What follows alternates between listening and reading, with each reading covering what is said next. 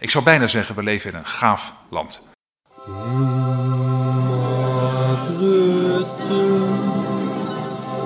Uh, en over Groningen, uh, ja, mijn, mijn, punt was eigenlijk... als je zou besluiten, wat ik hoop op een kernstralen, een paar kernstralen bouwen...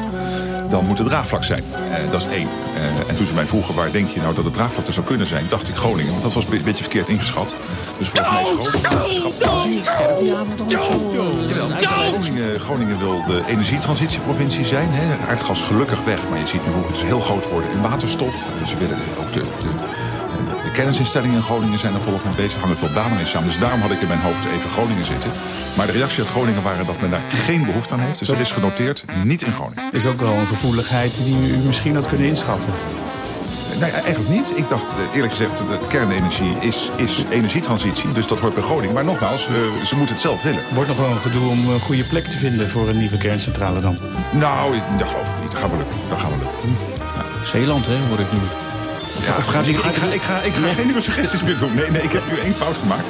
Dus uh, ik, ik, herhaal draagvlak, draagvlak, draagvlak. Ja. Uh, en ik denk dat dat gaat lukken.